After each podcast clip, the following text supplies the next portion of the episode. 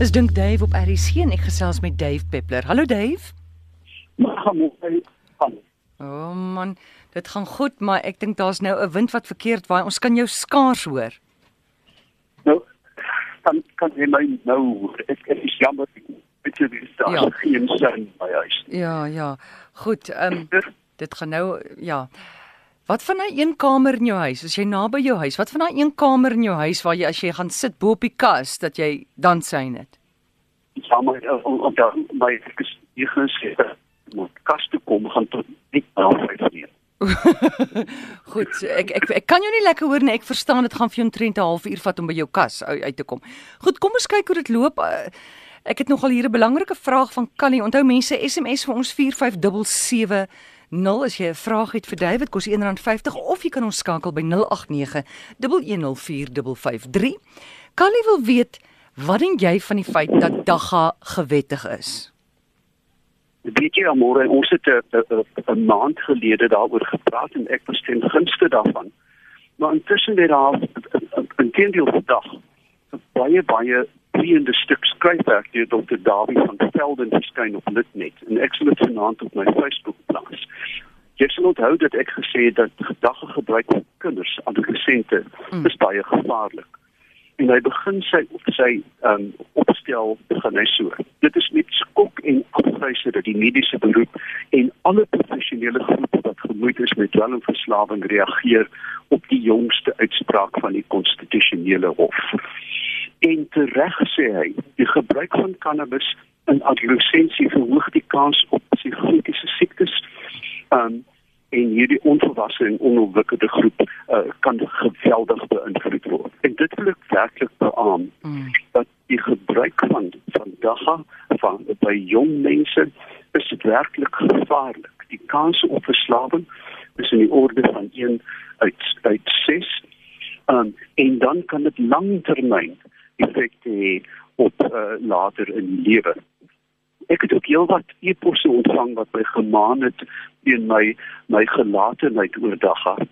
Nou ek hou uh, in die breë by my by my standpunt dat wettiging dalk in die lange duur beter gaan wees gemeet aan beskaafde lande. Maar nou moet 'n mens vra of ons in 'n beskaafde land bly um, met met die veelvuldigheid van gebruikers daarvan. So ek wil graag hê dat luisteraars Dr. van Velden se mening vanaand moet lees. Goed, dankie. Nico wil weet of mens 'n wit stinkhoutboom kan snoei. O ja, hulle jy kan hom hewig snoei. Kyk, die mens moet tog onthou dat snoei um, is die natuur se manier om nuwe groei aan te wakker. Dit is hoekom as daar springbokke oor die veld loop of wild oor die veld loop, dan groei die gras weer welig en die bome as 'n kudde vreet daar waar hy ge- gekou het, is daar nuwe lote. So, dit stink uit baie beslis jy kan hom regtig jy kan nou eintlik ferm snoei maar net in die tyd wanneer die boom rus nie terwyl hy groei. Wat ons het nou daai woord verloor net in die tyd wanneer die boom in in die winter. met ander woorde Rus. in die winter wanneer hy nie blare het nie Goed. dan kan jy gerus snoei maar moenie snoei as hy as hy uh, welig groei nie Goed. Ons vat ons eerste oproep. Charlotte, goeiemiddag. Hallo Amarie, uh, Kobus na Kuilsrivier. Hi Kobus. Ek ja, ek graag net met duiwel hoor as ek kan sê waar hy in die Waterberg nou die dag rondgeloop. Ek is so 15 my gevalwater af op die Jankerpad groot geword. Maar oor hierdie brand in, in uh, Witskop, jy kan hom daar sien van die olietanke van Milnerton af. Maar my eintlike vraag Amarie is uh, dit is nou lekker warm in die en ek dink duif is in die omgewing en uh die somer is besig om te kom. Mm. Ons kan net maar terugroep en uh, dink die veldbrande, die bosbrande en al die goed wat ons mee getruiter en getuister was die afgelope klompe jare en veral verlede jaar ook het gedurende hierdie jaar. Ek wil by duif hoor, dit is baie moeilik om seker presies te kan bepaal, maar wat veroorsaak hierdie brande? Want ouens bespiegel en uh, maar wat is werklik waar die oorsake behalwe die brandstigting? Wat is die oorsake, natuurlike oorsake dat uh, brande aan die wat uh, plekke uh, die veld in die brand kan raak? Goed, dankie Kobus want ek moet sê nie net by ons nie, maar in Australië, Europa en Amerika ondervind hulle brande soos nog nooit tevore nie. Ja, dit is dood reg. Uh, jy weet temperature reg oor die wêreld is besig om baie vinnig te styg. Engeland het gekook.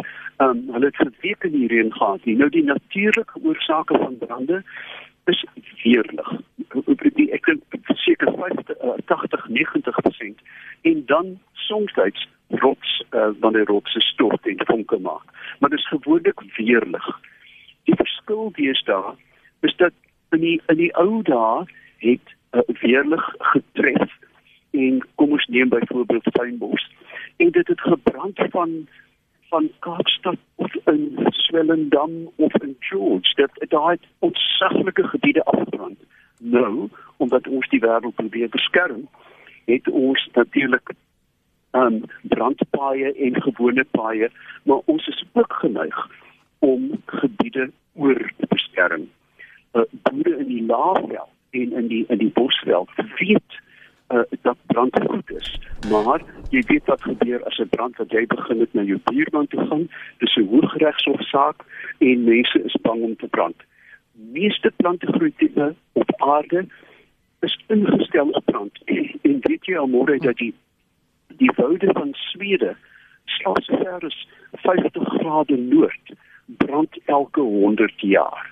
Met ander woorde, reg oor die wêreld moet plante groei gewoonlik brand op verskillende tye, maar die mense die ewewig heeltemal na een kant geskuif.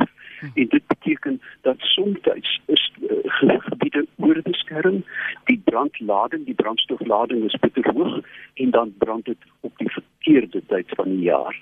Um gewoonlik sou 'n mens wou brand na daar reentjie geval het maar uh, by fynbos byvoorbeeld fynbos is ingestel hulle uh, die sade word netjies vasgehou in in die, in die knoppe en na die brand sien jy oral klein saadjies wat val mure dra dit rond dan sit 'n landskap tussen mure en sade die mure dra die sade onder die grond in so brand is normaal maar abnormaal as die mens betrokke is Dave, kan jy net gou weer 'n paar bome noem wat ons hier in Suid-Afrika kan plant wat sal keer dat die brand nie so vinnig versprei nie?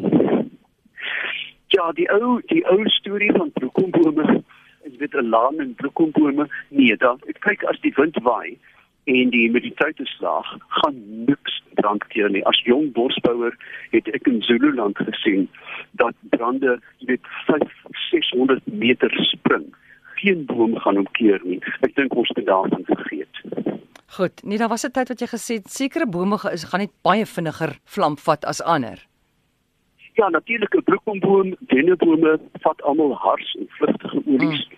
En as dit die dag warm is, dan ruik jy mos as jy 'n bloekomboom maar by 'n bloekomboom of 'n denneboom verby stap en hierdie goed ontvlam. Dit is in by tye ontplof dit dat jy letterlik 'n knal hoor soos die bome aan die brand slaan maar op 'n dag met hoe wind en lae humiditeit ja. stop byna niks in brand. Ons wat nog 'n oproep Charlotte, goeiemôre. Hallo. Hi Amorey. Hi. Ehm um, is Danel hier van Hartbeespoort. Ja Danel. Praat maar. Ek wil net graag by Dave hoor. Wat is dit met lekker wane dat hulle so in die mense se huise inkom? Ek het so 2 weke terug 'n manierlike waan reg voor my voordeur gehad. Die optrappe, en dit is ses trappe op voor ons voordeur. Mm. En dit die deur oopmaak toe blaas die ding vir my.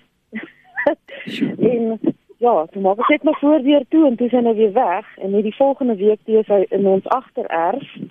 Die honde het daar 'n bietjie met hom baklei en dit het nou weer weggekom. Goed, Dave. Um, en net net gister toe lees ek op Facebook ook van iemand in Harties mm. wat hulle kwaan in hulle huis gehad het. As hulle gelukkig Dave wat hulle wragtig eerlike waan in hulle huis gehad het. Ek dink hulle kan hulle goeie dank ek sou wat wil gee vir 'n vriendelike like baan, maar gewoonlik is hulle nie vriendelik nie. Hulle is iets grimmige diere. Die, die ek dink ons praat van daal hartbeespoort dam omgewing waar die natuurlike omgewing deur die mens ingedring is. Daar is baie nie meer heenkome vir wild uh, insluitende waan nie. Met ander woorde, hulle territoria waar in hulle voet raak by die dag kleiner. Ons het dieselfde probleem met bobbejane uh, in, in die Kaapse skiereiland waar hulle vasgevang is. Hulle kan nie ontsnap nie want jy weet Bellville in in Boston lê op die sand voor hulle. Um, en hoe meer die mens uitbrei en huise bou en en baie maak, moet ons verwag dat daar al hoe meer interaksie met wilde diere gaan kom, insluitend hulle kwane en slange. En natuurlik huise met gewoonlik 'n meer stabiele omgewing as die as die veld. Daar is gewoonlik meer water, meer skaduwee, dis koeler en baie diere is aangetrokke tot waar mense. Dit word uh, genoem kommensiele diere, diere wat saam met die mens kom. En die kwane is nou ongelukkig een van hulle. Hulle is nie gevaarlik nie. Jy wil nou nie jou keffer uh, loslaat op die kwane want hy slap met sy stert. Ehm um, maar ek sou baie ek sou baie dankbaar wees om 'n maklike baan naby my huis te hê. Goed, dankie Dave. Oor die voordat die wind jou gaan wegwaai daai daar aan daai kant, gaan ek jou groet en ons gaan 'n draai maak op jou Facebookblad om daai artikel van Dr. Dawie van Velden te te lees oor dagga. Ja, lees dit aandag het dit is baie belangrik. Goed. Nou ja, dankie Amore, lekker aand. Dankie Dave, self vir jou. Dis Dave Peppler.